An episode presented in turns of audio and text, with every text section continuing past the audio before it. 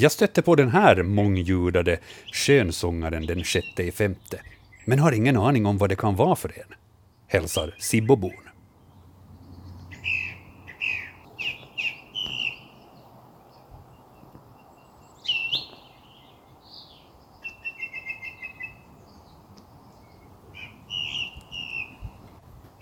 Hur är det Hans och Jörgen? Lyckas ni luska ut vad det är för en skönsångare? Jörgen? Ja, man, man hör, hör ju hur den talar på, eller vad? Ja. Det är en ganska bra vink till vad det skulle kunna vara. Det är sådär, så att jag, till och med jag nästan förstår vad du menar. och den sjunger liksom en väldigt klar röst, Men nästan som om det skulle vara tal. nästan som det skulle vara tal. Ja. Och i, i, i, strukturen så är ju sångens struktur är ju att den, den har sådana här korta motiv som den upprepar, ska vi säga en till tre gånger.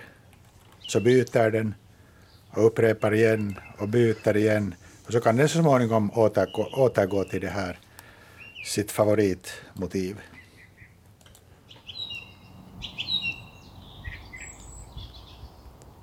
Men det är nog ni som får berätta vad det är för en.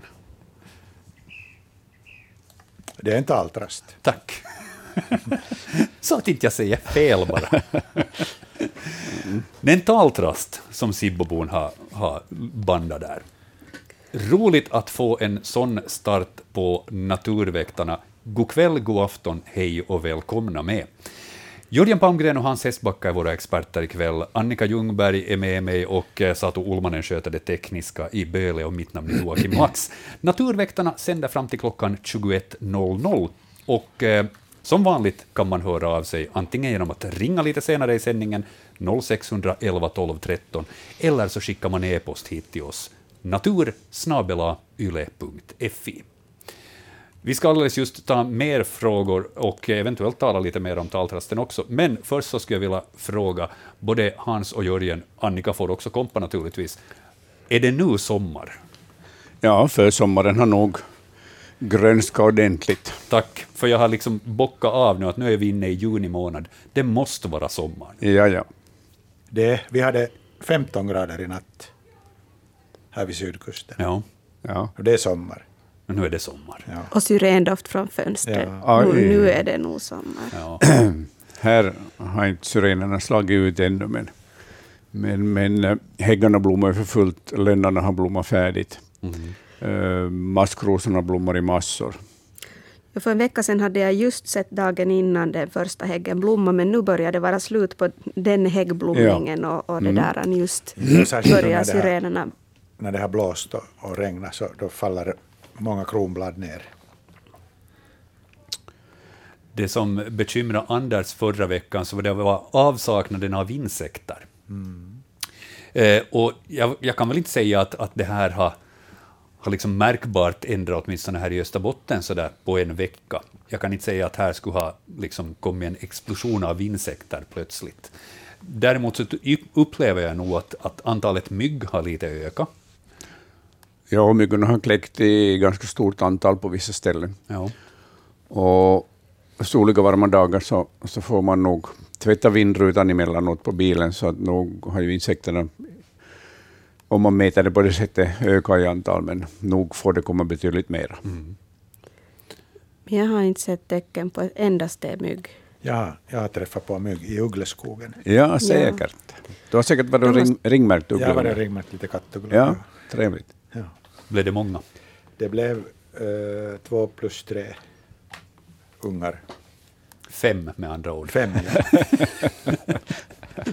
Varför säger man två plus tre? Därför att, att hålla, hålla skilt på liksom kullarna. Just det. Två kullar. Två, Två kullar. mm. Två i en och tre i andra. Nu hänger jag Det är med. ganska få unga, men det är all- alldeles trevligt och fint. Ja. Skönt. Mm. Och här i Vasa utanför studiofönstret så jagar fiskmås, kaja och björktrast dagmaskar åt sina ungar.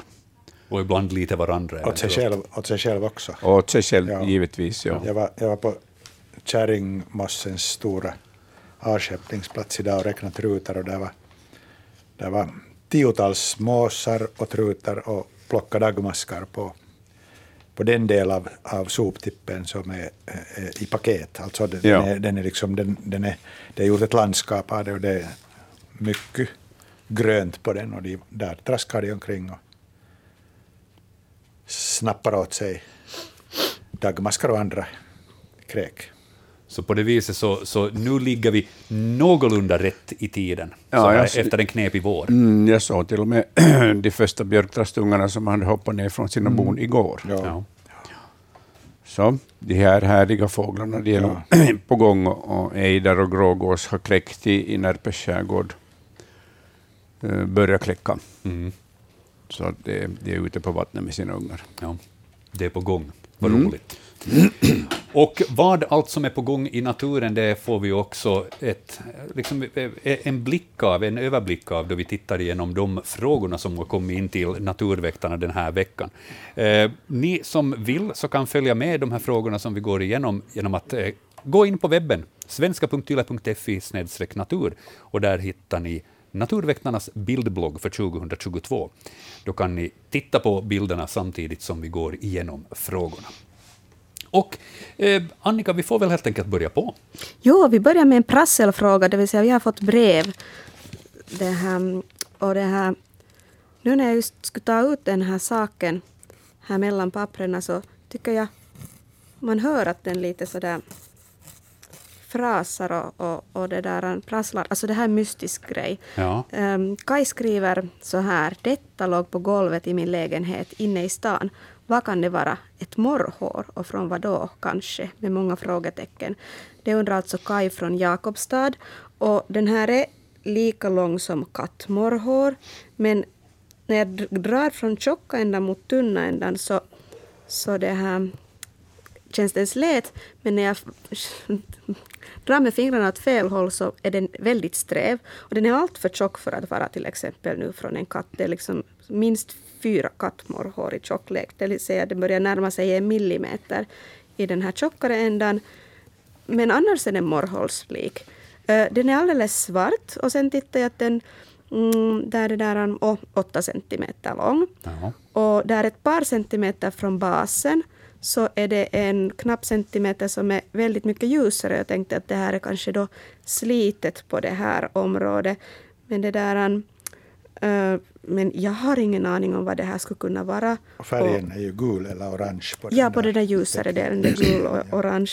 Men jag kom så fram till, jag funderar på den här med många kollegor, och det där att, att den är nog inte något som en människa har tillverkat. Det är ju nog från något djur, men, men jag är liksom fullständigt ute och cyklar, men som tur så han, han det där, han Jörgen tittade på den här lite, vi grävde fram med en lupp ur vårt förråd, så det här, så ger jag nu, nu sträcker jag mig dit så får du, får du ta över. Ja, Har Hans förresten hunnit titta på bilden? Har du någon gissning om vad det, vad det Jag har tittat vara? på bilden, ja. Mm. Och om det är äkta, alltså om det är från något djur, så, så det här alltså, kommer jag nu framförallt att tänka på säl. Men jag, jag har inte bekantat mig med morrhår. Så att, ja. Mm. Och Jörgen hade, hade där den glädjen att han kunde titta på det med en lupp. Ja. ja. Och man, man ser nog egentligen strukturen på, om man tittar på vår bildblogg där, längst till höger så finns en detaljbild av basen av det här Ja. föremålet. Och där ser man, man ser för det första just där längst ute så ser man strukturen, hur basen är, och sen ser man också på den här ljusa delen, som är alltså en och en halv centimeter från den tjockare ändan, så där ser man också den här strukturen hos det här. Den är lite som tvärrandig. Ja, Den där tvärränderna tycker jag att jag känner igen när jag drar med fingret. Och sen så ser man det på det här ljusa området. Ja. det här orange, orangeaktiga Ja. området. Det är alltså en fjäder. Så det är en fjäder. Ja, det är en fjäder. För då jag tittar på den här bilden så det, det, det sticker ju ut en liten stront, kallar Ja. jag Ja, det. den, det är en den har lite term. liksom, tror jag, Ja. liksom klu, kluvits och spretar en liten sån här, Ja. En, en flaga slimsa som har liksom mm, lossnat och, och Ja. sticker ut åt sidan. Så jag tänkte nog, kan det vara en fjäder? Men ja, okej, no, men berätta mera. No, jo, men jag, jo, jag, jag kom till att det är en fjäder, men jag vet inte vilken. Va- va- Var är alla, alla fjädergrenar? Ja. Vad heter fjädergrenar? Det där fluffiga. Fa, fanen.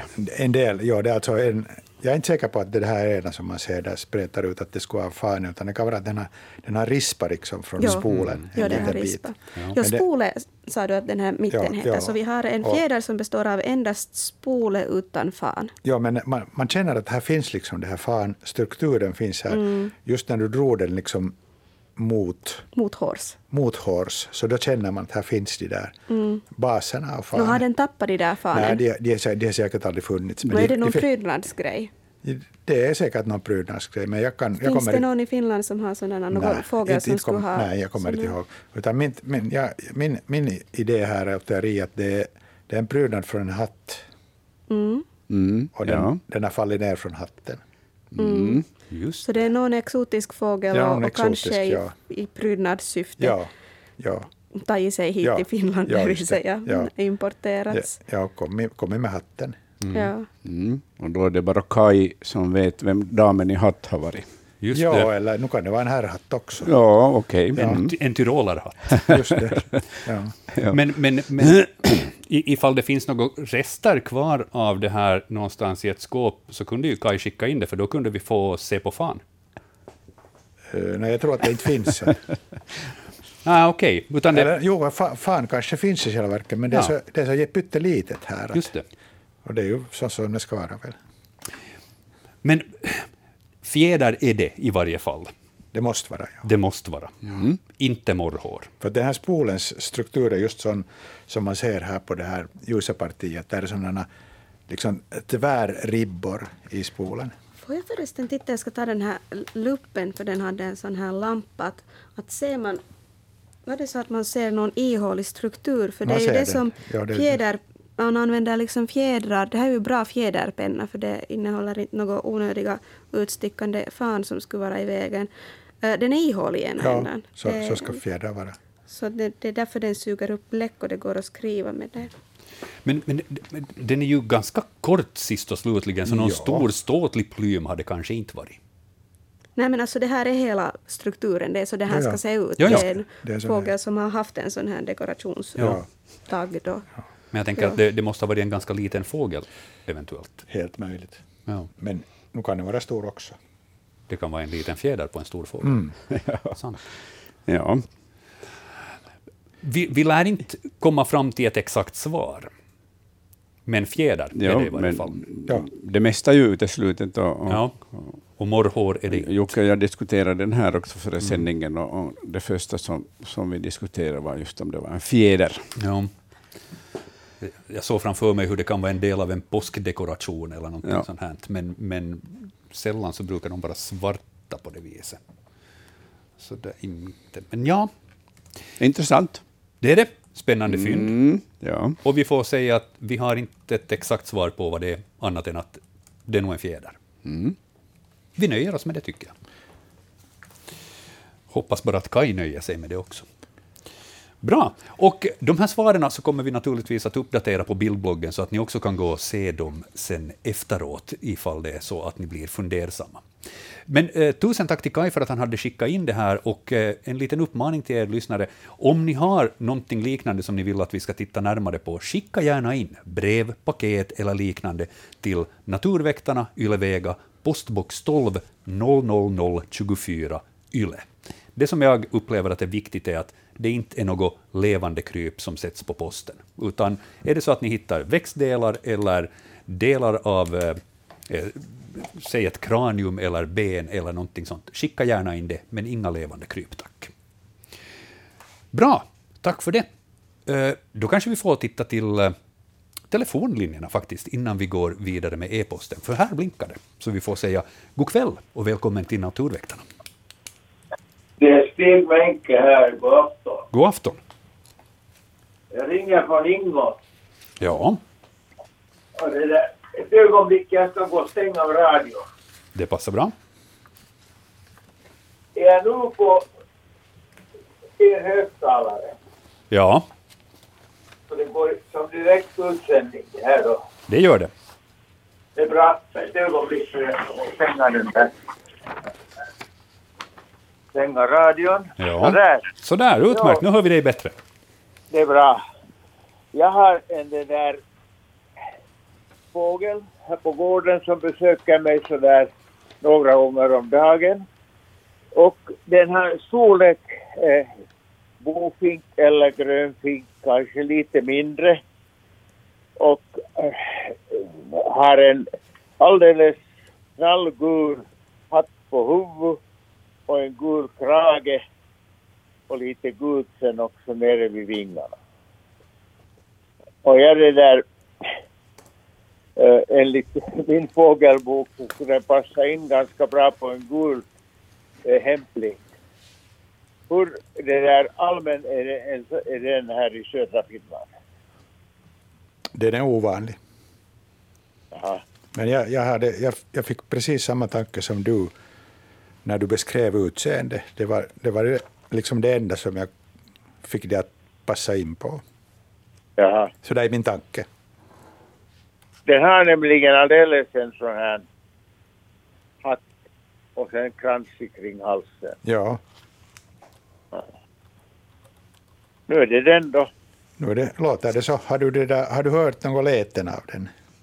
Nej, tyvärr inte. Ja, För den är så skygg ja, och vi har ett så suddigt foto.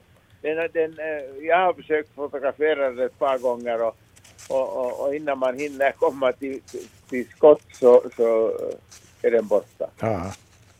Ja. Har ni någon utfodring haft där? Jo, Det är jo, kanske, jo. Det är Jag, kanske, matar, jag, jag matar fåglarna året om ja, och, och här är stare och, och det där eh, koltrast ja, som plockar antagligen insekter här under min foderautomat. ja, och ja, de kan hitta annat där också. Jaha. Jag tror att att, det är ju, ja. och insekter och, och jo, Ja. Men bara, bara för att den är ovanlig så betyder det ju inte att den inte finns där. Så gul hämpling. jo, guldhämtning. Bra, tack. Utmärkt. Tack för ditt samtal. Ha en skön Jo, jag kväll. kan ju sen någon gång, om jag lyckas få ett foto, kan jag ju skicka det till er. Ja, Gärna. Utmärkt. Tack ska du ha. Bra, tack. Hej. Tack, hej. Gulhämplingens lete hann jag leta upp här. Är det någonting som vi behöver veta om det här äh, hämplingsletet innan vi lyssnar på det? no, sång, det, jag antar att, det, antar att det kommer en sång, det är ett sånt här eh, ganska högt svirrande. Ska lyssna.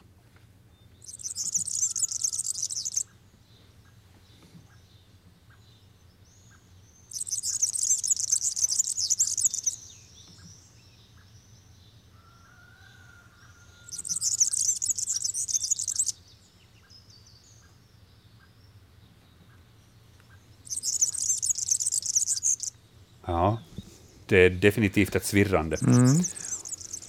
Jag tyckte mig höra en tupp där också. Ja, Skönt att jag känner igen ett, Jag ett hörde inte uppe, jag hörde koltrast. också. Ja. Väldigt speciellt ljud har det. Ja, speciellt. Men lätt att missa. Gul hämpling. Ovanlig, men roligt att få rapporter om den, trots det. Eller kanske just därför.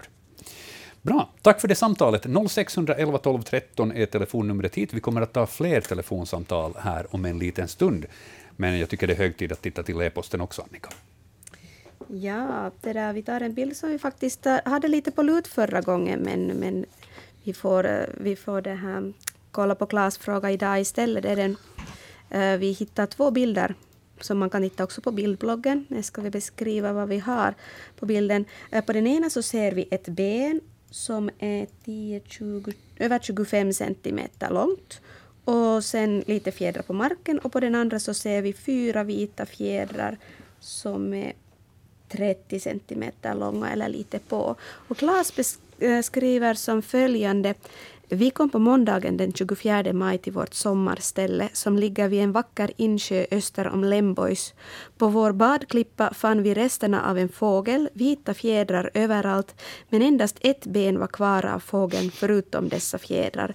Fjädrarna var alla avbitna, alltså inte ryckta från fågelkroppen. I sjön har vi duvhök, mink och rev som troligen kan vara ansvariga för fågelns död. Vem har tagit livet av fågeln och vilken fågel är det som fallit offer?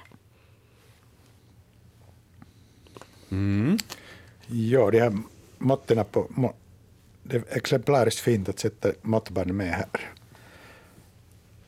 Fast det var ju angivet här i texten också att de är ungefär Nej, det var du som läste Jo, det var jag som, jag som tittade på Tolkade. bilderna och försökte Tol- och tolka. tol- ja. och du tolkade, ja. Gjorde en sån här snabb tolkning av bilderna. De vita, vita, vita pennorna är ungefär 30 cent långa och, och det passar inte redan, det passar bara på en, ett artpar. En stor. Eller två stora, Två stora två, två arter. stora arter. Det är någon svan. Mm. Men är det sångsvan eller knölsvan, det skulle du säkert då behöva lite mera. Ja, naturligtvis det här, det här, Mera det här. orten var den hittades. Det var en insjö. Mm. Jo, öster om Lembois. Vad är det på finska? Lempäällä. Lämpärä, just det. Då var det jag nog sångsvan. Ja, det är säkert sångsvan. Ja. Ja, för, för det finns nog enstaka, enstaka men det är, nog- det är nog typiskt för Jo, att det det, skulle vara sångsvan. Där är, där lite söder om Tammerfors. Ja, hundra eller tusenfalt mer sångsvanar än knölsvanar. Och det där, nu vet man ju inte vad, av vad den har dött, vem som har dödat den. den. Den kan ha fått fågelinfluensa, den kan ha förolyckats på något annat sätt och sen är det, är det olika djur som har, som har behandlat det här kadavret, slitit av fjädrar och, och slitit det i bitar och farit iväg med benen och så vidare. Det är väl ofta speciellt just en svan en ganska stor måltid. Det är en stor det är säkert måltid, många ja. som hinner kalasa Jo, på den innan, innan det är så här Ja. slut på resterna. Det kan vara, det kan vara till och med tio olika arter som är där och äter på den. De här djuren som Claes räknar upp där, eh, är någon av dem en sån som kunde tänka sig ta en svan? Duvhök, mink eller rev? Mm, nej, ingen av dem. Mi- Mink och rev kan, kan Ja, göra det. Men inte kan det väl ta en svan inte. Ja, jag har nog sett eh, en eller två svanar som har bli- blivit dödade av mink och den hade, hade rusat, rusat de här svanarna rakt upp i strupen och, och Okej. bitit ihjäl den på det Ja, sättet. det, ja. Och, och reven tar nog svanar vid tillfälle. Ja, men det, det, den svanen är säkert på något sätt redan illa däran. Det är mycket möjligt, ja. Där, Så brukar du vara. ja. Men duvhök som Nej, föreslås, nej, det, nej, det, nej, nej. Nej. Men jag tror att, att det är reven som har bitit av de här vingpennorna i alla fall. Ja. Jag kan inte komma på någon annan. Minken gör det inte. Ja, den biter inte alls. nej. Just det. Så att det här, förmodligen har rev mm, varit och bitit av vingpennorna när den har varit kalasa här på den här svanen. ja. Men sen vem som är den ursprungliga Det kan, gärningsmannen här, så mm, det kan vara kan vara. fågelinfluensa Mm. mm, som gör det. Så. Det kan ha vara, förolyck- förolyckats av någon orsak. Ja, Krocka med ja. en ledning. eller sen en, en, en bakterieinfektion. Mm. Ja. Och sen har den blivit mat till eventuellt någon av de här som har räknats Ja, upp. alltså vi har ju så otroligt mycket sångsvan i, i, i Finland idag så att man hittar varje år döda eh, uh, sångsvanar. Ofta har de flugit i ledningar, men, men man kan hitta också sådana som inte flugit i ledningar. Och, och, och sen brukar då havsörnar äta på de här och, och, och, och rev och mårdhund och sånt där. Så att, eh, det är ganska vanligt idag att man hittar döda svanar, Mm. och åtminstone resten av de här döda svanarna. På ledningar sätter man ju ganska ofta såna här stora röda bollar för att bland annat helikoptrar och liknande ska se var dessa ledningar går. Reagerar svanarna på dem? Eh, ovanifrån ja, men inte underifrån. När de lyfter underifrån så då, då, då brukar de kollidera med de här ledningarna. Men när de kommer flygande flygande så ser de de här ledningarna och, och, bollar eller reflexer som finns på dem och, och kan undvika dem. Men, mm. men det brukar vara underifrån som, som den här olyckan händer. Just det. det finns ju ett knep att, att minska uh, på, på det här svandöden uh, vid sådana här elledningar. Det är att markägaren inte plöjer den mark som på hösten som finns uh, nej, att han plöjer den mark som finns under ledningarna på hösten så att inte de här svanarna har någonting att beta där. För de går ju helst ner på stubbåkrarna. Ja. Just det. Okej. Okay. Uh, jag upplever att vi har ett ganska uttömmande svar där åt Claes. Finns det någonting mer som vi behöver tillägga till den frågan? Nej, det tror jag inte.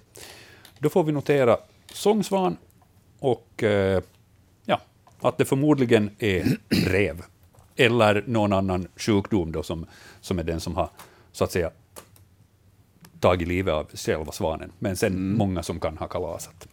Utmärkt. Vi hade en till fråga visst som hade lämnat också från, från, från tidigare sändningar.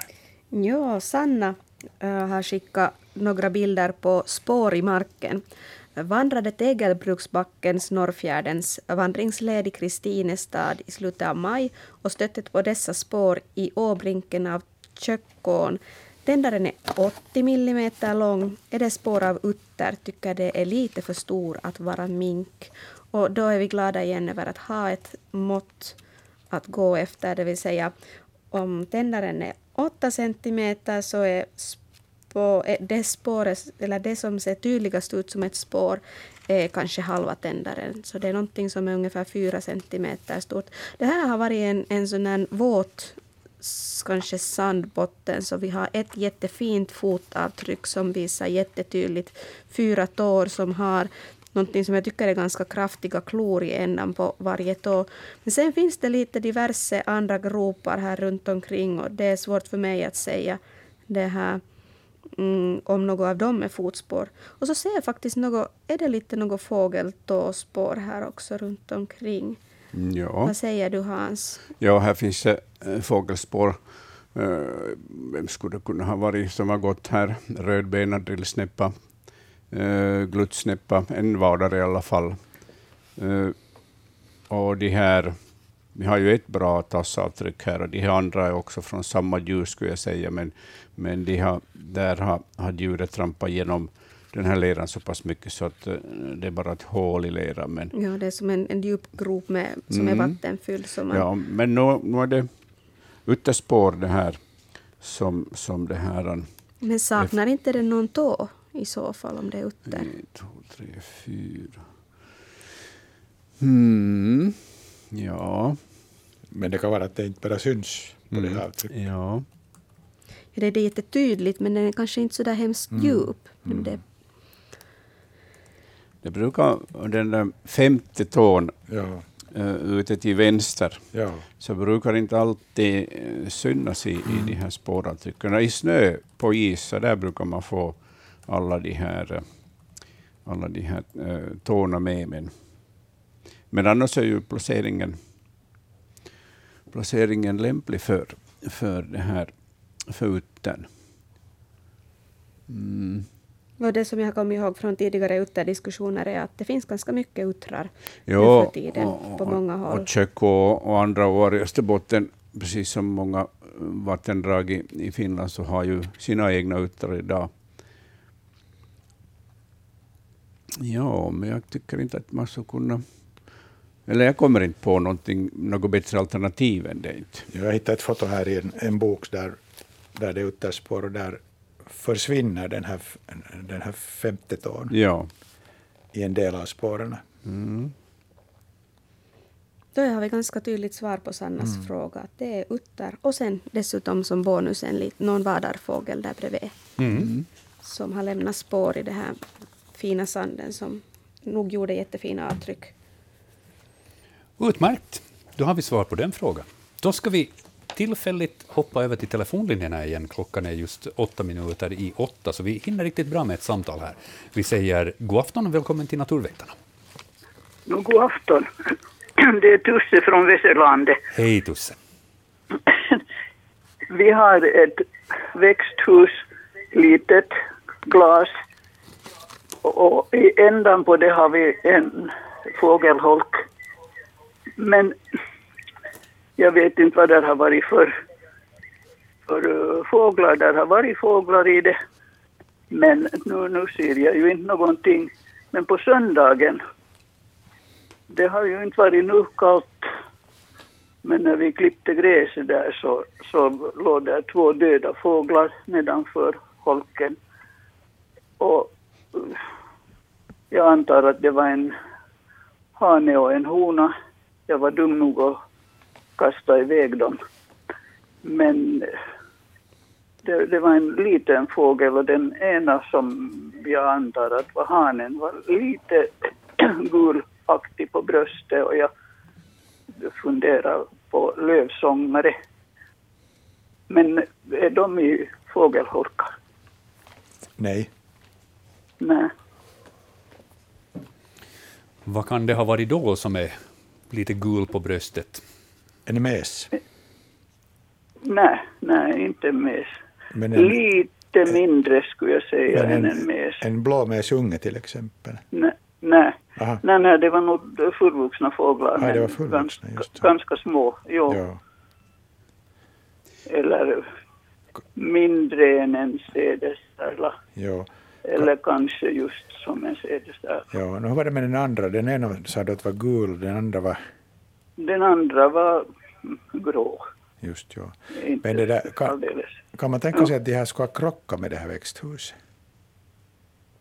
Ja, det vet jag inte. Så då, jag då, har inte sett om det flyger några fåglar nu heller inte. Men, ja, men då skulle det, då skulle det liksom, jag- då skulle det mm, liksom på något sätt vara förståeligt att det kunde vara en lövsångare. Men den, Ja. är, den är nog inte särskilt gul på våren heller. Det kan vara missvisande om man har tittat i den, den, är, fågelboken. den var sådär ljusgul med Ja. lite svart på fjäderspetsarna. Ja, nu är det inte Och- lövsångare. Inte. Nå, och sen funderar jag att, men du sa redan att den kan ha krockat med det Ja. där, men, men det har de nog inte gjort på de här sista 30 åren, men Kanske det var första Men gången nu. Ja. Ja, Till exempel, eh, hade den några strimmor i, i fjäderdräkten, den här fågeln? Den, alltså den gula fågeln? nå, den var då lite strimmig, men det var bara på bröstet. Ja. Det, locka, det skulle vara lockande. Jag, locka, jag, jag, lockas att föreslå grönsiska. Ja, jag sitter också och tänker på grönsiska hane och hona. Ja. Ja. Grönsiska hanen är väldigt gul och honan är, är det där just inte alls gul. Och de, man kan till och med tolka det så att det är helt olika arter om man inte lägger märke till de olika detaljerna.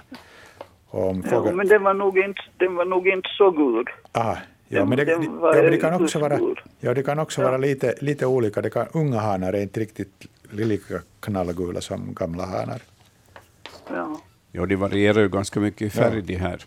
Och så, så funderar jag ännu att vad, vad, vad skulle det ha kunnat vara när de båda låg nedanför där och på en 40 centimeters avstånd från varandra. Ja, Ja, Och det en, kommer inte, det är ju glas så jag Ja. skulle nog säga att ekorrar kommer inte där.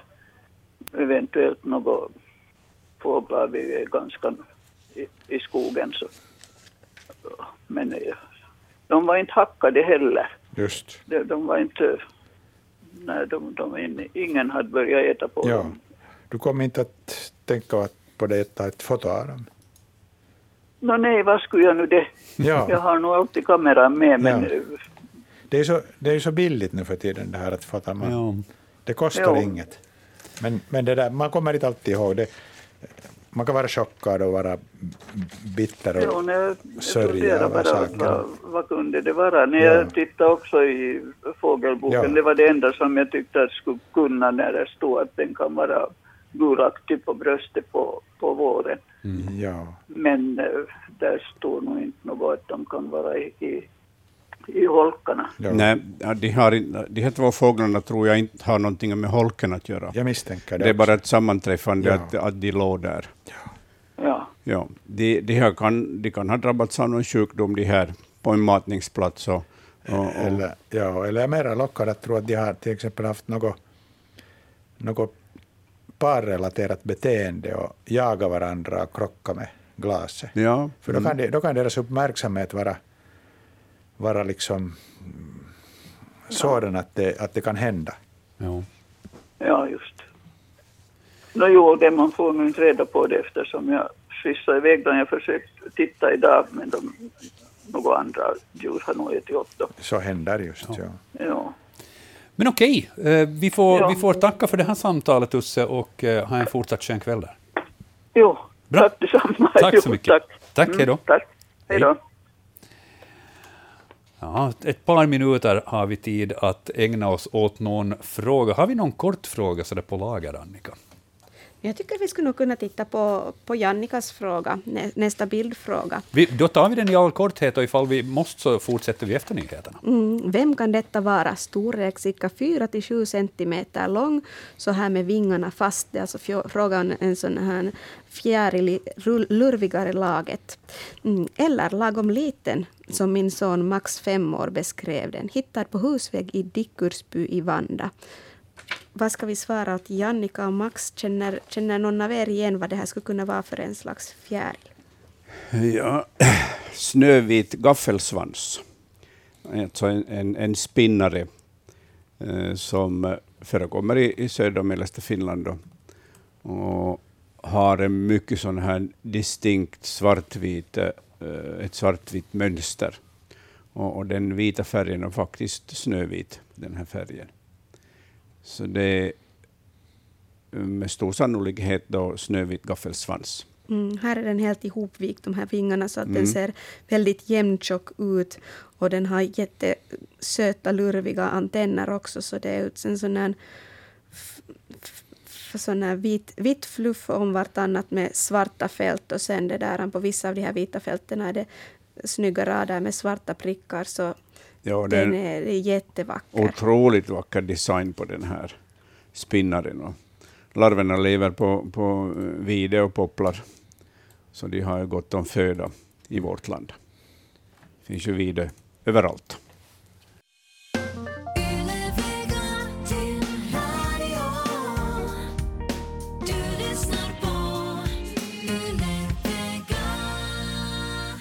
Yvonne har skickat två bilder åt oss och skriver följande. Vem har besökt oss på Rankelö, Rankelören i Petalax skärgård?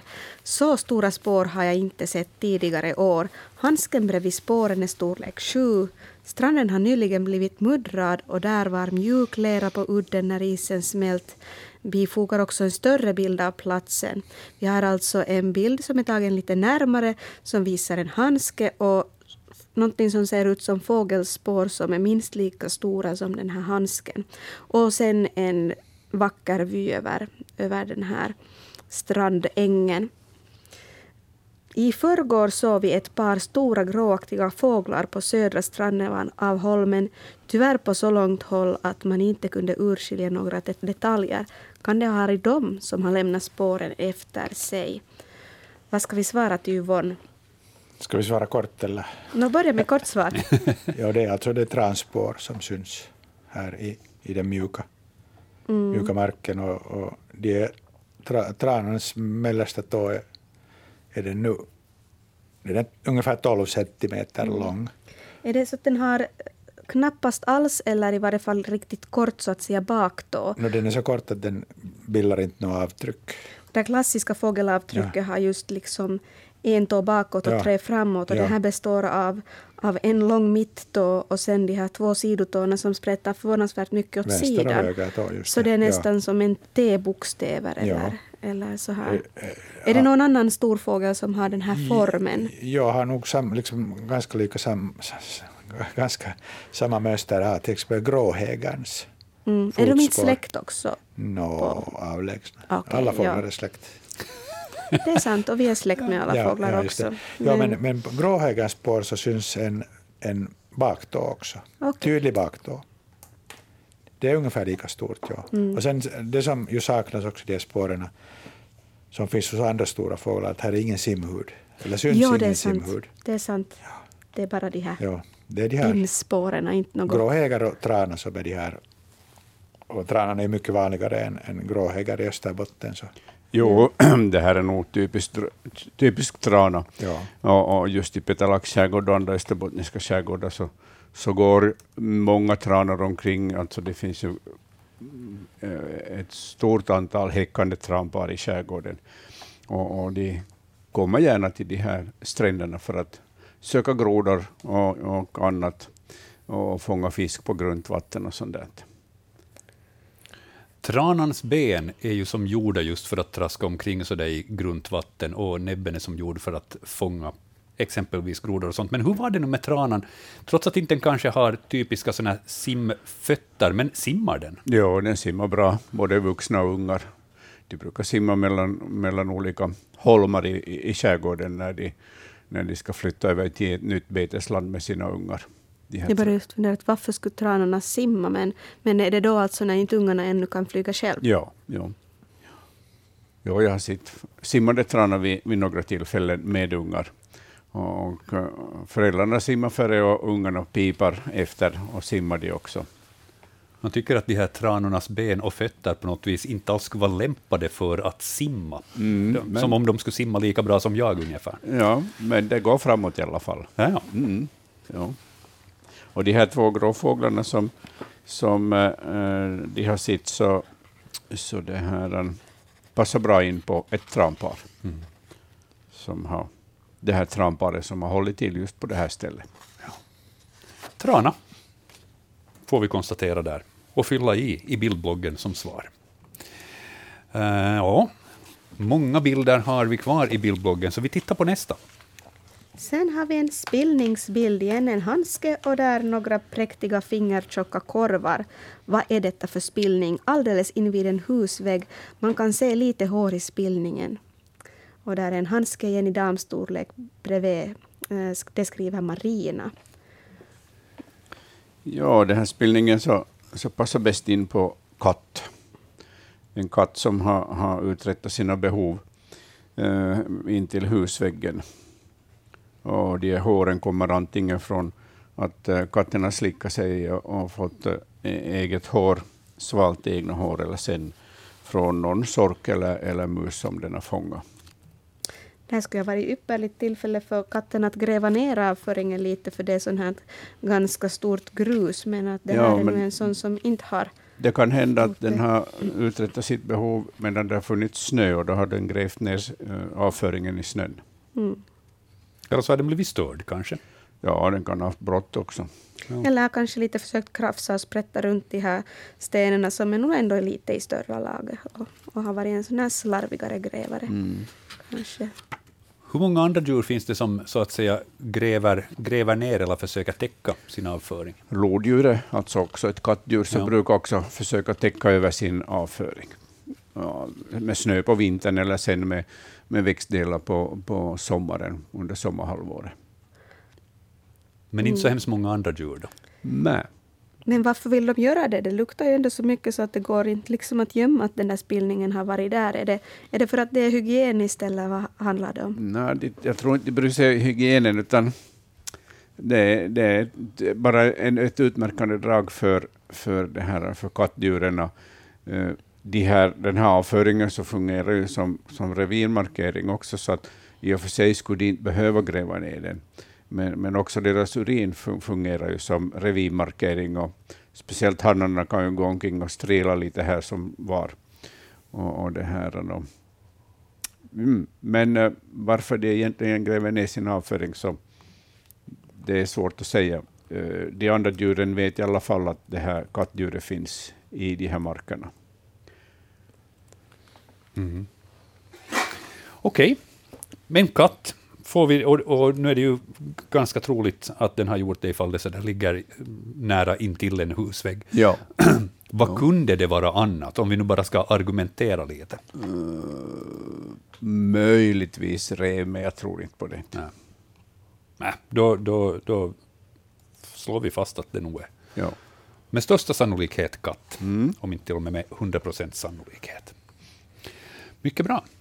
Eh, vi ska ta ett samtal här emellan. Vi säger god afton, välkommen till Naturväktarna. God afton, det är Marianne från Ekenäs. Hej Marianne.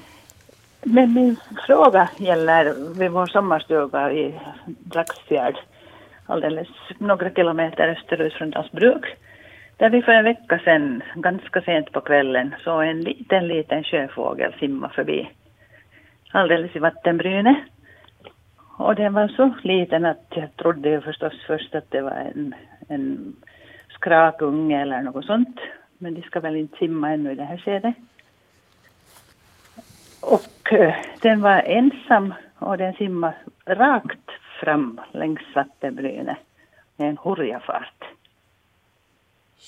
Och den såg alldeles mörk ut helt och hållet, men det var lite skumt så det var lite svårt att se.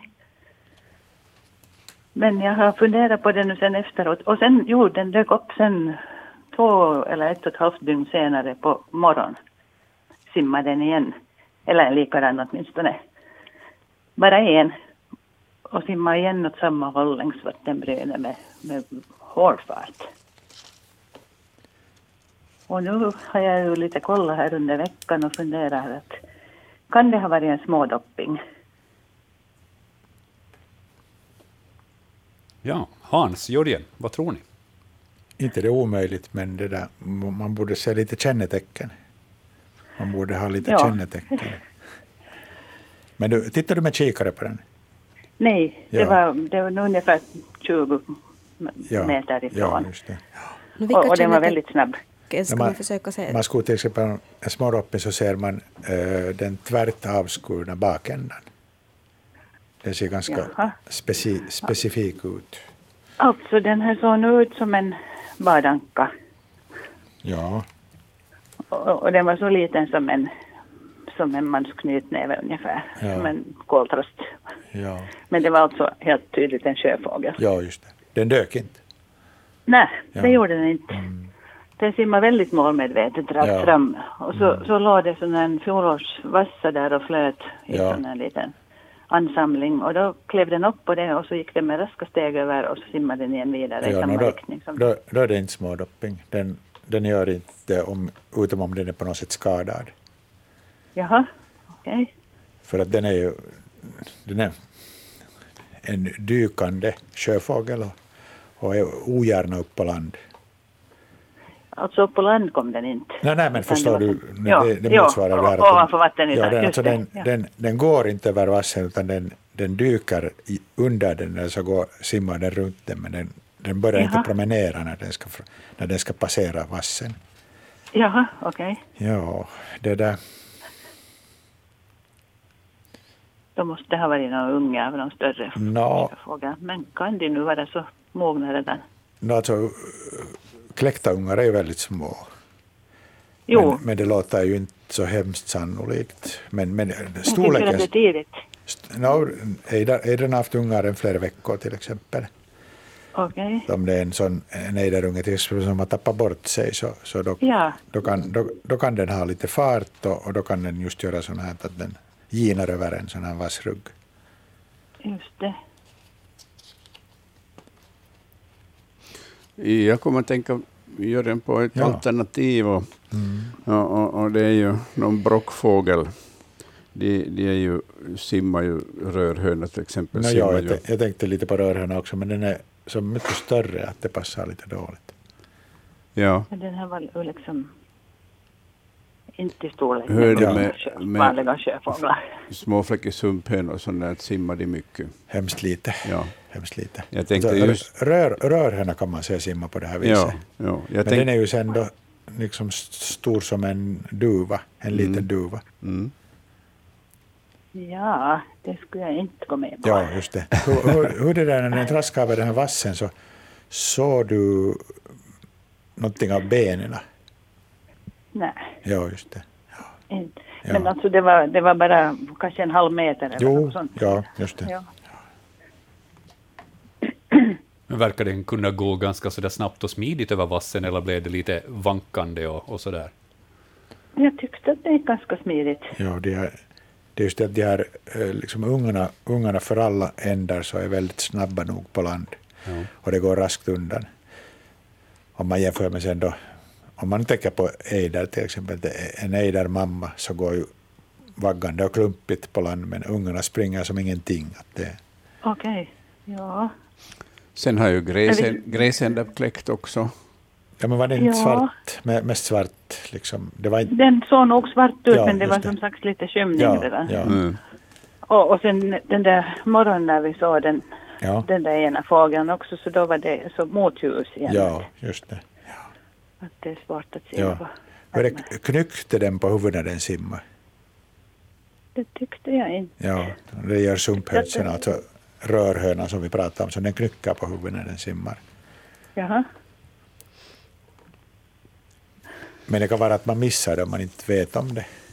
Ja, det är ju det Ja, när man inte vet riktigt vad man ska iaktta. Och i det skedet när den simmade förbi så tänkte vi ju nog att det var en unge. ja, ja.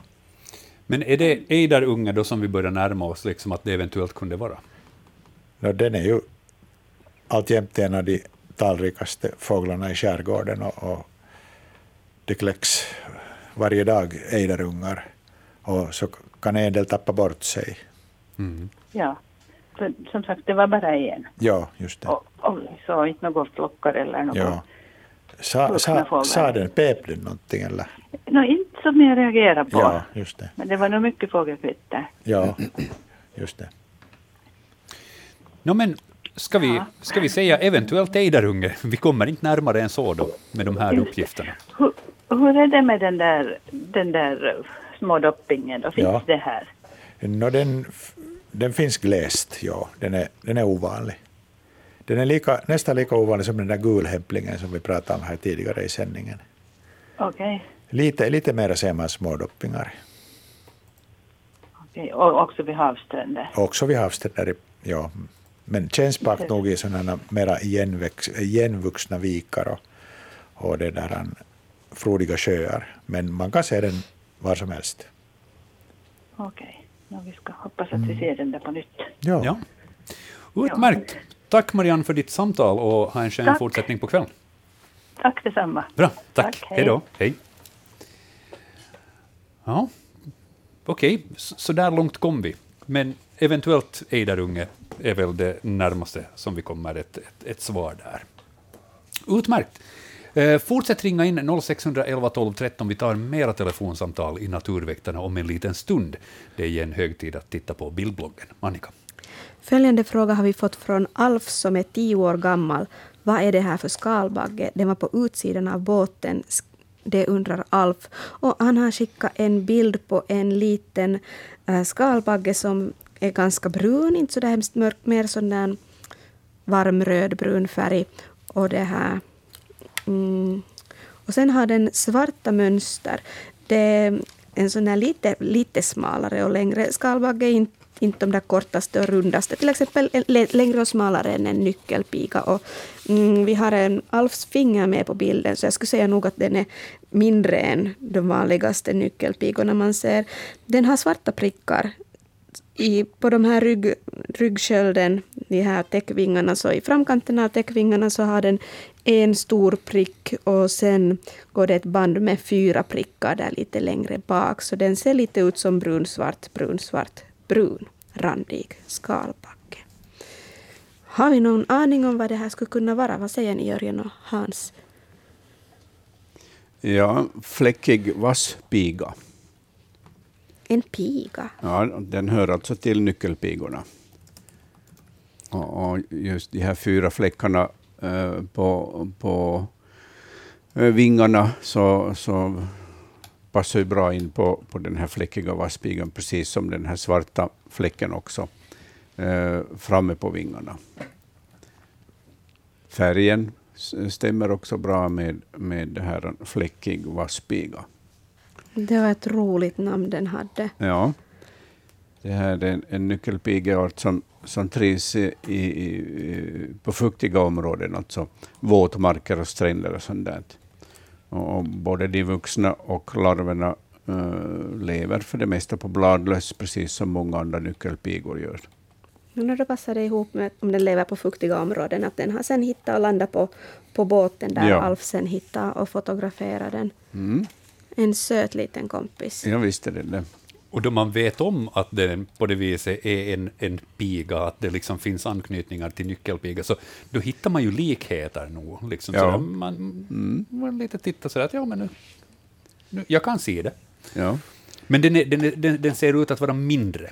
Ja, sen är den inte så där bullig som, som många, många nyckelpigor är, precis som Annika sa, utan det här är mera långsträckt. Men att Ja. det finns långsträckta arter också av nyckelpigor. Jo, det är roligt att sätta sig in i nyckelpigor. Det finns så mycket. Det finns svartgula och så finns det de som är svarta med röda prickar och, och en massa spännande nyckelpigor. Och en skojig grupp för de är ju goda vänner till de som har trädgård när de håller bukt på, på bladlöss. Och som du sa så den här fläckiga pigan som då var en vasspiga sa du. Så den håller också kanske koll på. Ja, alltså den, den här är ju specialiserad på bladlöss som så många andra nyckelpigor, så det är alldeles klart att i, i sina trädgårdar så ska man inte bekämpa bladlöss med en massa kemiska medel, utan äh, låt nyckelpigorna komma igång så, så sköter de ganska mycket av det här och, och, och, och den här bekämpningen, precis som andra, andra rovlevande små insekter gör också när, när man bekämpar eh, bladlöss i sin trädgård med kemiska medel så, så tar man livet också av, av eh, andra insekter, sådana som bland annat eh, reducerar de här bladlössen. Och nyckelpigor och, och, och andra pigor är så roliga att se på sen. Ja, Så alltså, nu det. talar jag om insekterna. Alltså, i, i, i, de, de, är så, de är så vackra och enkla att följa, för man, man Ja. ser dem lätt. Mm. Och de är ju ganska orädda av sig, de här nyckelpigorna också. Ja. Exponera sig gärna. Okej, fläckig, vass piga. Visst var det så vi sa? Ja. Bra. Vi har många bilder kvar. Vi får nog ta nästa, Annika. Ja, nu kommer vi till olika lämningar som finns efter djur och det här är kanske lite i, i det blodigare laget. Det här är tydligen ett ben för det som finns kvar av den här ena ändan ser ut som ett, en klöv. Ehm, um, hittade benet på bilden vid vår sommarstuga nära Nådendal. Undrar vad det är för ett djur och vilket djur har dödat den. Det hälsar Kristina. Och den är delvis, det finns då ingenting annat kvar av den här djuret än, än benet. Ända, från, ända upp till strax över knä skulle jag kalla den där leden. Det vill säga skulle det vara där mm, mm, det här lårbenet skulle ha gått av. Och det som är lårben och, och det där och vadben enligt min gissning så är ganska kalgnagade. Men sen just där de yttersta lederna och klöven så finns kvar och visar att det är någon som har haft en brun päls och just den där tunnaste delen av benen är kanske lika tjocka som det där spadskaftet till en sån här vanlig trädgårds, rejäl trädgårdsspade, så det ger oss ett hum om storleken. Mm, vad är det här för ett djur? Det är ett klövdjur. Ja, ett klövdjur är det och, och det finns två arter som, som passar, passar in och det Eller är vanliga. Ja. Ja, som är vanliga. Det är rådjur och vitsvanshjort. Och, och, och storleken så säger nog att det är vitsvanshjort. Jag, så upp, uppskattar jag det också. Ja. För det är ju ganska... Ett sånt ända på spaden är väl kanske 30 centimeter. Mm. Eller är den till och med mera. Ja. 30 räcker. Ja. Men vilka alla djur är så starka att de skulle ha kunnat få av det här lårbenet där på mitten? Det är väl ganska tjocka lårben som... Eller gissar jag rätt att det är lårben det här som är där det är avtaget? Mm, ja. Så vem skulle ha kunnat få av ett lårben? Eh, Varg och björn och järv. De tre. Så knäcker nog de här benen. Mm. Det är ju svårt att säga vem som har tagit livet av det, men, men eh, uh, vitsandsorten har ju blivit på många ställen, på många orter, så har det blivit det viktigaste bytesdjuret för varg. Men eh, sen tar ju förstås lodjur, eh, de här vitsvanshjortarna också, trafiken. Det är ju många hjortar som, som skadas och dör också i trafiken och de som skadas så de blir inte alltid hittade utan de kan sen dö ute i skogen. Så det här, de här benen blir omkringburna sen framförallt av rev och mårdhund som, som gärna springer omkring med de här benen. Hur var det med lo? Kan lo bita av ett sånt här Nej, ben? nej, det kan den inte. Men säkert som i många andra fall så kan en vitsvartshjorte stor, den kan ha blivit måltid för väldigt många olika djur. Men jag tänkte just att någon stor måste ha varit framme för att kapa av det här lårbenet. Ja. Eller så har det gått av i en olycka. Mm, Ja, det är ju möjligt. den Bilolycka. Den möjligheten finns också. Ja. Sant. Ja, alla, alla hjortkrockar så blir ju inte anmälda. Utan en del, så, en del hjortar så skadas och, och rusar in i, i, i det här i, i skogen och medan det inte behöver bli nästan något märken på bilen alls. Det räcker med att, att en bil snuddar med hård fart vid ett sånt här ben så, så är ju hjorten skadad. Men det hör ju nog till att ifall det är så att man är inblandad i en djurolycka med bilen, så då, då anmäler man det här. Så att, eh, Mm, ja. så att man helt enkelt får, får skicka dit en grupp och, och leta reda på det ifall det är. Ja, det finns ju alltid det här. eh, Det finns ju jägare som, som har engagerat sig som, som det här eftersöks eh, människor som, om, som har då spårhundar som de med vars hjälp de spårar upp sådana här skadade, skadade djur och avlivar dem. Och det är ju bra. Ja. Men eh, vitsvanshjort och eh, gärningsman okänd, men vi har några misstänkta. Sen till en lite knepigare fråga. Då jag tittar på den här bilden så, så då skrapar jag mig nog i hårbotten lite. Och eh, jag hoppas att experterna har ett svar, för jag tyckte den här var spännande.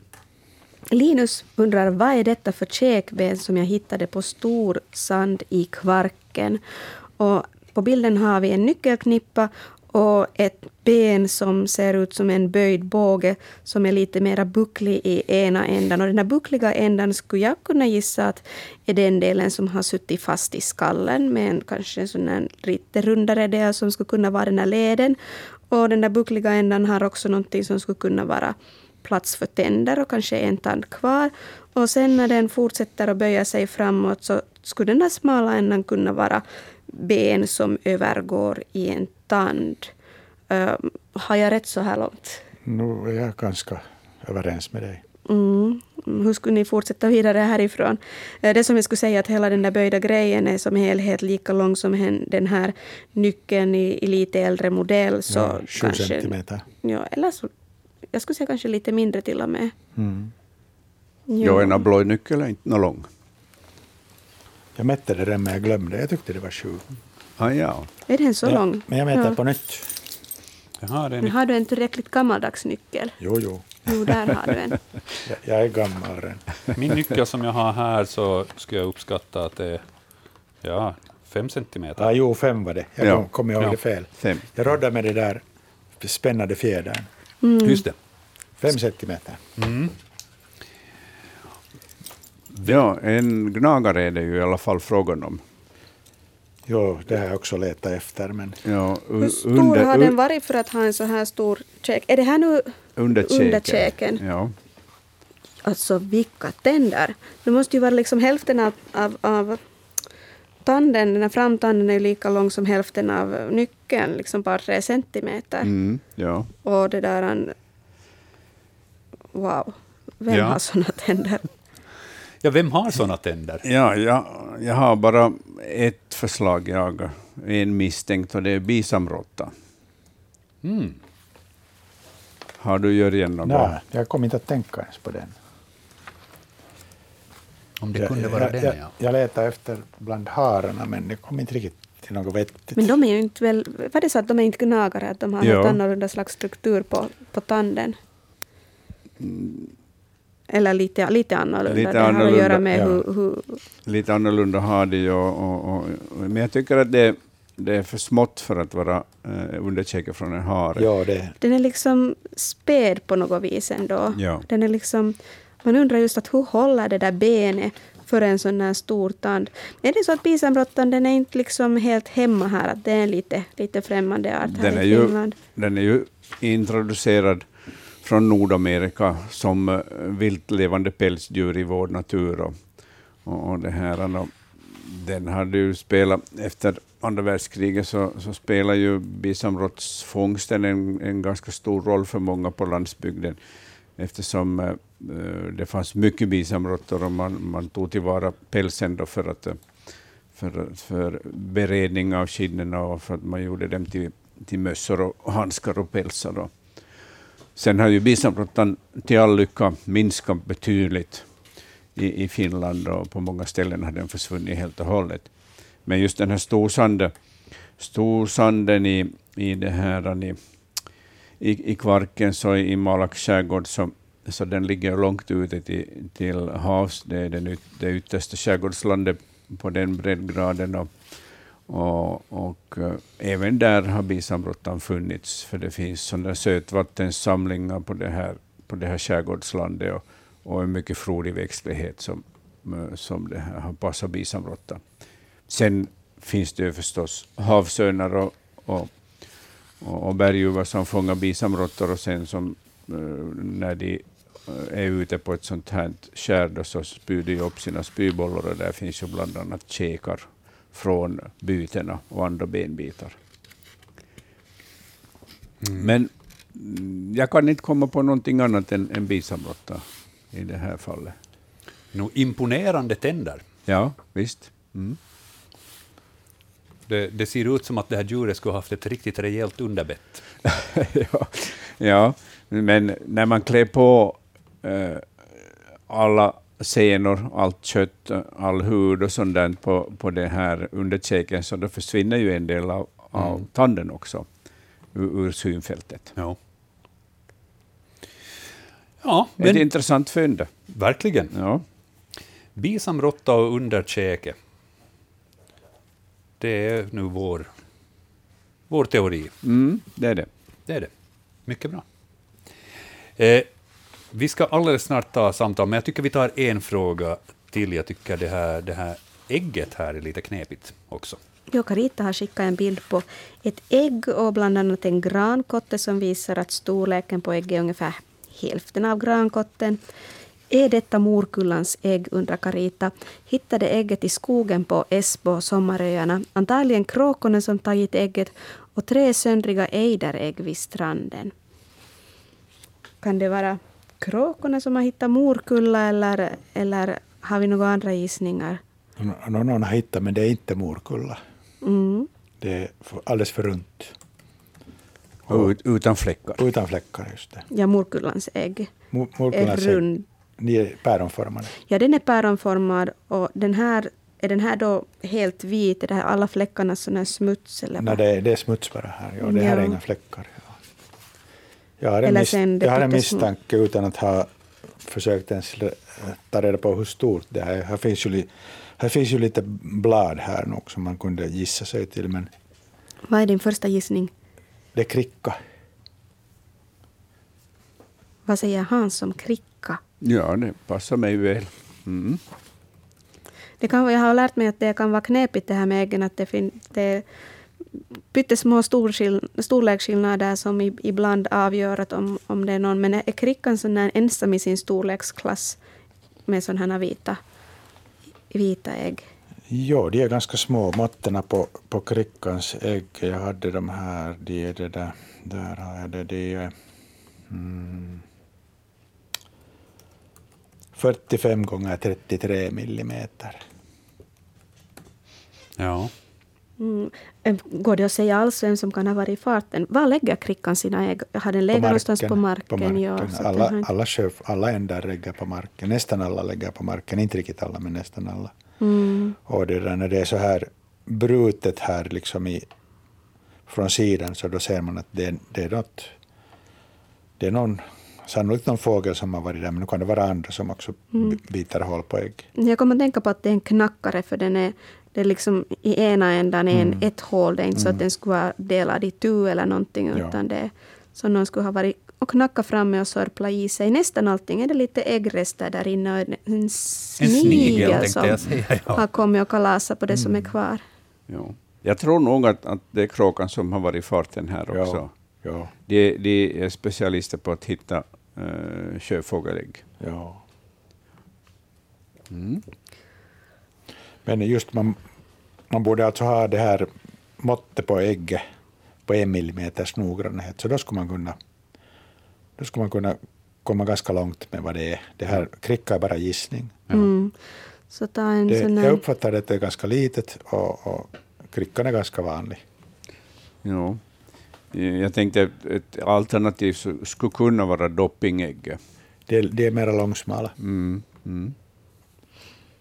Jag ska ge det där ett mått på en liten dopping, till exempel. Skulle det vara svarthakedopping? Svarthakedoppingen till Jag exempel. ska se att har jag det här. Jo, jag har det. 44 gånger 29. Mm. Ja, alltså det skiljer ju sig väldigt lite. Ja, det, men det är tre milli smalare. ja. Det är ganska mycket sen i det slutändan. ja, ja. det är slutändan. Det blir hade, hade samma form. Mm, men vill man vara säker så ska man ha med sig ett skjutmått i fickan Ja, när man är på ja, söndagspromenad. ja, ja. Om man råkar se ett Eller en ägg. bit millimeterpapper kan man också liksom Mm. sätta ägget på millimeterpapper så kan man få liksom, man får inte med millis noggrannhet men man får ganska bra uppfattning. Mm. Förmodligen kricka, får vi konstatera. Mycket bra. Nej, möjligen. kricka. Möjligen. Möjligen. Möjligen, inte Ja. förmodligen. Ja, möjligen. Har du utbildat dig till jurist nyligen? Jag Nej, tycker men jag, jag, jag har lite benägenhet att Ja. försöka vara exakt. Ja, men det är rätt. Då ska jag korrigera formuleringen i bildbloggen innan jag sparar för den här gången. Då får du göra det, så ska vi ta ett samtal här under tiden. Vi har någon som har hängt kvar ett par minuter på tråden, det uppskattar vi. Vi säger god afton, välkommen till Naturväktarna. God afton, god afton. Vem är det som ringer? Det är Sture från Tal Talmo i Karis. Hej Sture. Jag funderar på en sån sak. Här var ett trustpar som byggde intensivt bo. Men nu, före regnet, så är mitt i allt tomt. Kan de komma tillbaks? Eller vad tror ni? Fanns det ägg i boet före regnet? Jag tror inte det. Okej, nu kan de komma tillbaka. Nu. Ja, just det ja. Ja. ja. Nej, De, var så du, intensiva, de var så intensiva till bygga här Ja. och, och när, när blev det färdigt? Eh, för en vecka sedan Ja, ungefär. no, då kommer de inte mera, tror jag. Nej, just det. Ja, ja. Just det. Jag var jätte då alltså. Troligtvis. ja troligen. Ja. Men följ med ännu. För det, Jo, jag kan följa med alltså. här ännu. Ja. Ja. Men att det, inte tror jag att de... Det regnar som bäst här nu också, så att det, är nog ganska vått säkert det där boet nu. Där nu. ja, möjligen, ja. Var det, Ja. har, du, har du någon aning om vilken trast det var? Var det koltrast eller björktrast? Nej, det ja. vet, jag tror att det var en, en vanlig sån där, vad heter han? Det var ett daltrast heller. Rödvinge. Rödvingetrast. Möjligtvis, möjligtvis var det Rödvingetrast. Ja, just ja. ja. Jo, de är ju ganska snabba nog sen att bygga ett nytt bo. Ja, just det, ja. Det skulle, de borde ruva vid det här laget det kanske. ja, ja, de borde nog det. Ja. Ja, just det. Ja. Eller till och med har ens ungar i boet. Jaha, okej. Jo. Det här blev inte några ungar med åtminstone. Ja, just det. ja. Det Hur- är liksom, Hur länge, tar det för dem att, hur länge tar det för dem att bygga ett bo? Uh, Så det är på ett ungefär. nu, nu går det några dagar. Ska vi säga en halv vecka eller något sånt. ja, det här ungefär på, på fyra dagar så var det här färdigt. Ja, just det. Någorlunda färdigt. Ja, Just det. Ja, men, men det, allting tyder på att de har dragit iväg vidare och byggt ja, någon annanstans. ja, vanligtvis så är det ju så att, Ja, att när, när boet blir färdigt så då läggs första ägget. Det, Ja, just det är det, ja. vanligtvis ganska Ja. tajt tidtabell. Ja, just det, ja. Så det Jag har tackar varit, för det här då. ja, just det. Hörru, tack Ja. Sture, ha en skön kväll. Jo, jag, jag, jag, jag köade länge nog, men att nu satt jag fram. Ja, nu var det din tur. Bra, Ja, tack för okej. samtalet. Ha det gott. Jo, Hej då. tack. Tack, hej. Hej.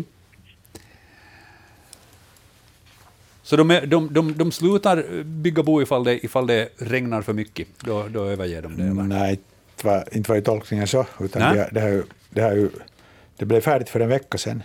Just det. Men det uppenbarar sig aldrig något ägg i det. Precis. Och frågan var ju att kommer de ännu tillbaka? Jag säger, att, jag säger att de inte kommer mera. Det var så det var. Ja. Lyssna slarvigt. Ber om ursäkt. Nej, det gör ingenting. Läge att gå vidare. Annika. Mm, vad kokar här på den vindstilla vattenytan, undrar Erkki. Han har skickat två bilder och det som man kan utreda är att no, jag tycker det ser ut som det skulle regna på den här bilden.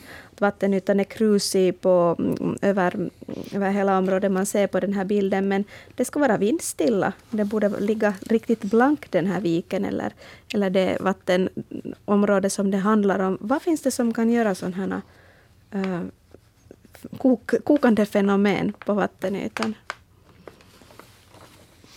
Ja, jag uppfattar att det är den här, den här ljusa kilen i, i, i bilden som är det här kokande, Mm. Kokande eh, eller upprörda vattnet Ja, som, som Erkki funderar på. Jo, det kommer som en, en flera meters diameters Ja. område som lite skärs av, eller som skärs av här i, i kanterna på bilden så att man har svårt att säga, säga mm, det där hur stort område är som ser ut ljusare, som krusar sig på ett, på ett annat sätt som då kan Mm. koka, koka Eh. mer aktivt. Det är lite, bilden lite suddigare drage, men det här, Mm. har du någon gissning på vad som kan orsaka det? Nå, jag tycker ju att, att bäst så passar det på ett fiskstim som kommer in här i viken för att leka. Eh, Jag kan inte komma på någonting annat som, som det här skulle åstadkomma det här. Eh, Jag är säker på att, att Erkki som har fått det, så han skulle ha sett eh, ett eventuellt däggdjur som ska ha dykt upp ur det här vattnet, eller en sjöfågel som ska ha dykt upp ur det här vattnet. Eftersom han var på plats och följde med det här, så mm, jag kan inte tro annat än ett fiskstim. Nu har jag följt eh, till exempel då fiskarna steg vid Bodvattnet, eh, Björkö, här nu under våren och där vid vad ska vi säga, inloppet till den här bäcken som går vidare till Bodvattnet från öppet hav, så där, där formligen kokade ju just när det kom de här fiskstimmorna. Men, men kokar det så här just bara för att det är så väldigt många fiskar där, eller kokar det på det här viset för att det är så många fiskar som kommer upp till ytan och försöker äta sig insekter eller liknande? Eh, Det här är ju på våren, Ja. om, om jag har förstått det rätt, så jag tror att det är ett fiskstim som ett tätt fiskstim, alltså ett individrikt fiskstim som kommer simmande eh, relativt lågt eh, under ytan och, och därför blir det en sån här kil i det här blanka vattnet. Mm. Ja, det måste se lite spännande ut kan jag visst. tänka mig. Ja, visst. Man kan bli lätt fundersam vad det är. Förvänta sig ett periskop som dyker upp. Men fiskstim låter, tycker jag, väldigt troligt. Det, då man, det, först såg den här bilden, så eventuellt just för att skärpan är, är kanske lite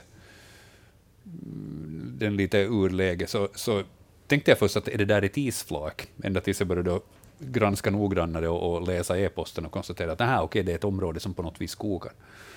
För att det, det, det ser ut också lite som ett isflak som är strax under vattenytan. Ja, men, Men så, det skulle nog inte koka. Så, så uppträder inte isflak. så, så gör de inte. Nej. Så gör de inte.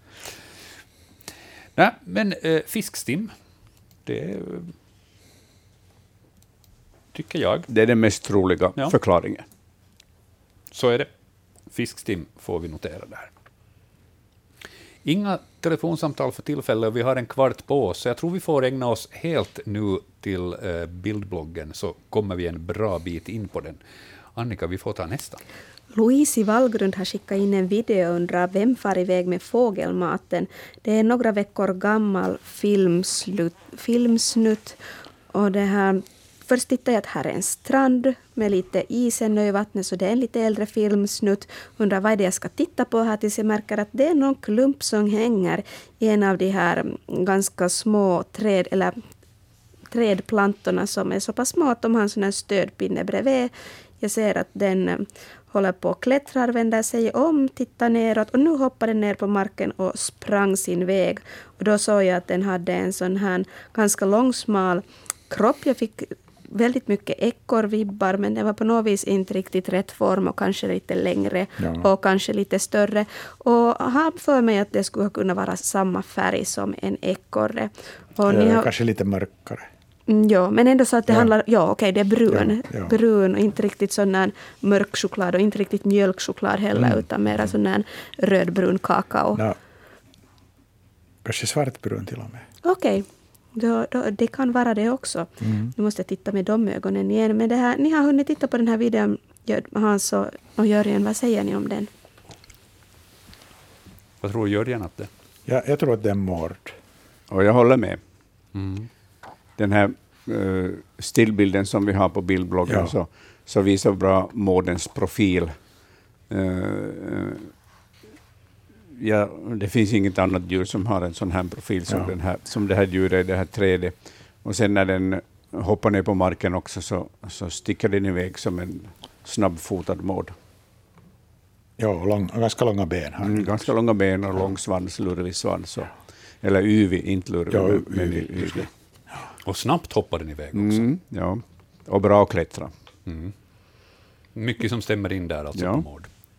Och den hinner få i sig mycket fågelmat, så där är, fåglarna blir utan mellanmål då. Ja, det är ganska vanligt att, att mårdarna söker sig till fågelmatningsplatser och, och äter på de här fettkorvarna och fläskbitar och annat som vi serverar åt, åt fåglarna. Då finns det något sätt att undvika att mården kan klättra. Den är liksom större och längre. Jag skulle tro att den, den räcks, har större räckvidd än ekorren. Är är de lika bra på att klättra som ekorrarna? Ja, det, är de, de, de kan ju jaga fast ekorrar uppe i träd, så nu är de skickliga klättrare nog. Mm, så det kan vara svårt att, att hålla mårdens tassar bort från mat, maten. Ja, det enda man kan till exempel pla- placera en sån här fettkorv i en metall så här metallbehållare, alltså av, nätjord. Metallbehållare och förankra den tillräckligt bra. Ja, de är så pass stora så de kan väl gå, slinka iväg med hela korven Jo, också. Ja, jo, Om det bara hänger i ett snöre så i Ja. varje fall sätta in det i någon bur eller, eller någon annan skyddskonstruktion där runt som gör att de inte ryms dit. Ja. Men nu kan den komma och äta där. Men den får fara inte iväg med det. Jag har någon gång sett fina bilder som lyssnare har skickat in på konstruktioner där maten är längst inne Ja. och sen är det tio, flera tiotals centimeter tomt och sen är det en, liksom en ytterbur Ja. som gör att ingen kommer liksom dit Ja, nära. ja, mm. Det börjar bli ganska komplicerade konstruktioner men har man mycket mårdproblem så, så får man ta till sådana Ja. metoder. Men Mård får vi notera för eh, Louise som hade skickat in. Roligt att det kommer videoklipp också. Det är synd att inte vi kan på det viset ladda upp videoklipp här till bildbloggen så att ni får se själva klippet utan enbart stillbilder. Men, men eh, vi och experterna uppskattar det, så att, tack för videoklippet. Vi tittar vidare i bildbloggen, framme vid bild nummer 13. Eh, kan det vara Nasse Vildsvin som lämnat de här raden av spår på stranden i Skeppsvik på Åland? Det undrar Stefan och Sussi. Det har också skickat in några bilder som syns på vår bildblogg som jag lyckades stänga ner här när jag höll på att peta en massa men nu har vi den bilden här framför oss. Den ena bilden är ett ganska nära närbild där man ser en, ser en sko och ett fotavtryck som består av två sådana här långa, um, långa avtryck och två korta, eller två små runda avtryck som, som det där ser ut som en klöv. Och så finns också en, en bra bild med den här spårlöpan, det vill säga um, minst fem, nästan tio, och över, till och med, ja, man kan till och med över tio spår kan man urskilja uh, på den här bilden, så man ser hur långa steg den har tagit, ibland lite kortare, och sen är där ett långt skutt, eller antingen så har det bara ett fotavtryck som inte liksom har lämnat något spår av sig. Men jag tror att det är ett långt skutt efter, efter tre steg och sen kommer det många steg till. Det berättar jättemycket åt spårlöparen. Och, och spårlöparen berättar jättemycket åt en expert som vet vad man ska titta på. Men, men det där, så mycket vet jag, men, men vad den här spårlöparen berättar, så då, det får Jörgen och Hans fortsätta med. Men fina bilder. Ja. Vem har gått på stranden i Skeppsvik? Ja, det, man kan säga det är ett, le- sp- en spårlöpa av ett djur som, som har sprungit fram över stranden i lätt språng. Ja, Och, och eh, med tanke på de här klövavtrycken så finns det ju tre alternativ. Och det är rådjur, vitsvanshjort och vildsvin. Jag tycker att de här klövavtrycken inte riktigt passar in på vildsvinen. De, de har lite rundare ja klövavtryck. jag tycker också. Ja. Ja, de här är ganska raka, de här Ja. stora Ja. delarna av Ja. klövan, klövarna. Och sen är de här lättklövarna rakt bakom klöv, klöv, klövspetsarna, eller ba- bakom klövarna, medan, medan det här uh, vildsvinets lättklövar brukar vara lite utanför. Ja, just det. Så då har vi, då har vi vitsvanshjort och rådjur kvar. Vad säger ni om storleken? Hur långt skulle ett sånt här avtryck som helhet från lättklöven ända till, till den där främsta delen vara? Jämfört med skon är vi där kring 10 centimeter. Ja, mm, Ja. ungefär. Hur stor är skon? Det är svårt att säga. Ja, Skulle den kunna vara 30 centimeter, den här skon? Sen finns på den andra bilden ser man skospetsen och en gångstav också. Mm. Hur hur mycket hjälper det? Men jag tycker det känns ganska stort, speciellt jämfört med rådjursspår. Ja. Är jag på rätt väg? Eh, ja, alltså det finns ju uh, vitsvanshjort på Åland, men i, i vilken utsträckning så det ja, känner det är jag sant. inte Vi är till. Mm. på Åland, bra att du kom ihåg det. Och där finns inte så mycket vitsvanshjort. Rådjur däremot finns det Rådjur nog. finns det mycket. Och, och, en, jag kan ju tänka mig att en, en stor rådjursbock, alltså en kapitalrådjursbock, skulle kunna eh, ge så här stora klöv, klövavtryck, men den har ju i alla fall uh, skuttat fram över, över stranden och, och klövarna har sjunkit ganska djupt ner i. Men eh, vad säger du Jörgen? Vad- Jag misstänker nog rådjur. Ja. Det ser, jag tycker det ser ganska litet ut. Mm, jämfört med skon. Mm. Mm. Men, men vildsvin kan vi utan vidare uh, ah, utesluta. det utesluta det eftersom tycker jag också, ja. de har mera runda Ja. klövavtryck. Nog är det ju högst troligt en, en stor rådjursbock som har sprungit här. och rådjur finns det ju gott om. Jo, det Åland. finns gott om, om rådjur på, på Åland. Ja. Vi noterar rådjur och inte vildsvin där Mm. för Stefan och Sussi. Ja, sju minuter knappt sändningstid har vi kvar. Annika, vilken ska vi ta? Ja, vi fortsätter då med bildbloggen om det är tystare på linjerna. Ehm, vi kommer in på myrtema. Vid vägen till sommarstugan finns en myrstack, skriver Sven-Olof från Replot. Nu är den helt övertäckt med vitaktiga gryn. Det ser ut som grovkornig vit sand. Jag har inte sett något liknande tidigare och när jag tog lite på fingret var det klibbigt som tjock sirap. Kan det vara kåda? Och varför samlar myror i så fall kåda till stacken? I omgivningen finns några granstubbar efter avverkning i vintras. Och vill jag minnas rätt så har vi väl nog talat om kåda i myrstack tidigare. Har ni stött på sådana myrstackar med kodsamlande myror? Eller någon annan orsak varför kåda skulle ha samlats där? Ja, det förekommer ofta att, att myror samlar på kåda. Riktigt ofta. Varför gör de det? Eh, jag tror att, det har en, att de använder kådan i ett desinficerande eh, ändamål i sin myrstack. De har uh, nytta av det för att hålla stacken frisk från, från bakterier och svampar. Ja, de, jag har ju hört att myror är, har väldigt långt utvecklad teknik i sina, i sina stackar, gångar som kan vädras och, och det här. Mm. Men det här koda i desinfieringssyfte i myrstacken, det låter jättehäftigt. Ja, Duktiga myror. ja det, det skulle kunna vara en, en, en bra förklaring till varför de har samlat så mycket kåda. Sen finns det ju förstås också myrstackar där myrorna börjar samla på ett visst ämne eh, i, i stora mängder. Det har hänt till och med att att myr, myr, myror vid skjutbanor har börjat samla på, på det här hagel från, från det här hagelgevärsskott. No, det är mindre hälsosamt. Och det är ju Ja. de, definitivt ohälsosamt, men att de har fastnat för det där och samlas. Att, eh, man vet ju inte alltid varför de samlade, men, men i alla fall så har ju eh, kodan en, en positiv inverkan och de kan utnyttja det för, sitt, för sin renlighet i stacken, de här myrorna. Mm, vi har en annan myrfråga som kommer från Gill.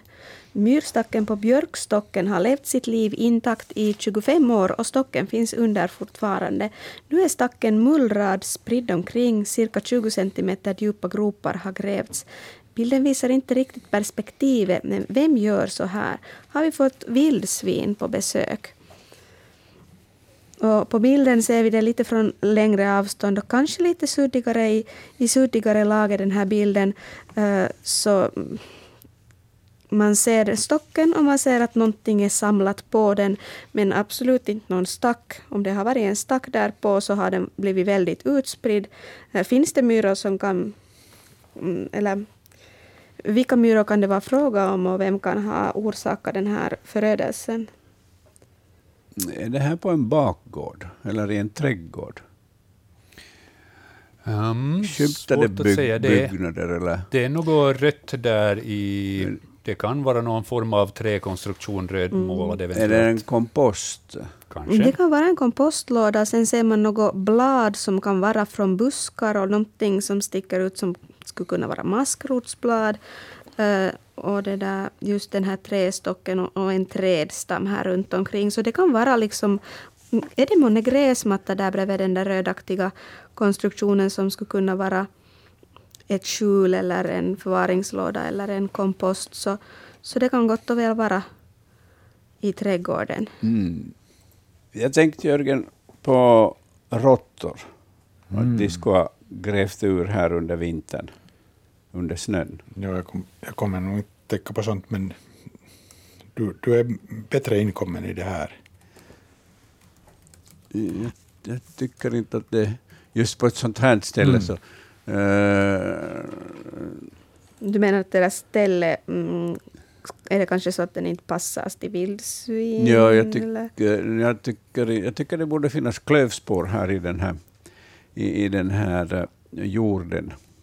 Om man tänker så där eh, hur myrstackar dör så de liksom bara, de bara blir på stället och, och, Mm. och, och man kan skönja att det är en liten hög sen till slut, men de blir inte så här sönder. Nej. Mm. Utan det, är nog, det är nog någon som har arbetat Ja, här. det, det är klart. Det slog mig att det skulle kunna vara, att det skulle kunna vara råttor som har, har jobbat på här under vintern och, och jämnat ut den här stacken, myrstacken, som har dött. Och det kanske skulle förklara att inte just finns alltså varken klövspår Mm. eller på det viset gropar eller att någon skulle Ja. ha liksom böka. Ja. Det är min, min teori att det skulle kunna vara råttor som har varit i farten. Och det är en intressant teori. Så vi får notera den och eh, samtidigt så får vi konstatera att det där är sista frågan vi hinner behandla i Naturväktarna den här veckan. Men hörni, ifall ni har frågor om djur och natur så fortsätt e-posta in dem på adressen natursnabelayle.fi eller då skicka brev och paket till oss på adressen Naturväktarna, Ylevega, postbox 12 00024 Yle. Nästa vecka så kommer vi att fortsätta behandla de frågorna som vi har redan fått in till den här veckan och sen också naturligtvis de som är nya. Så misströsta inte om inte vi tog upp er fråga den här gången.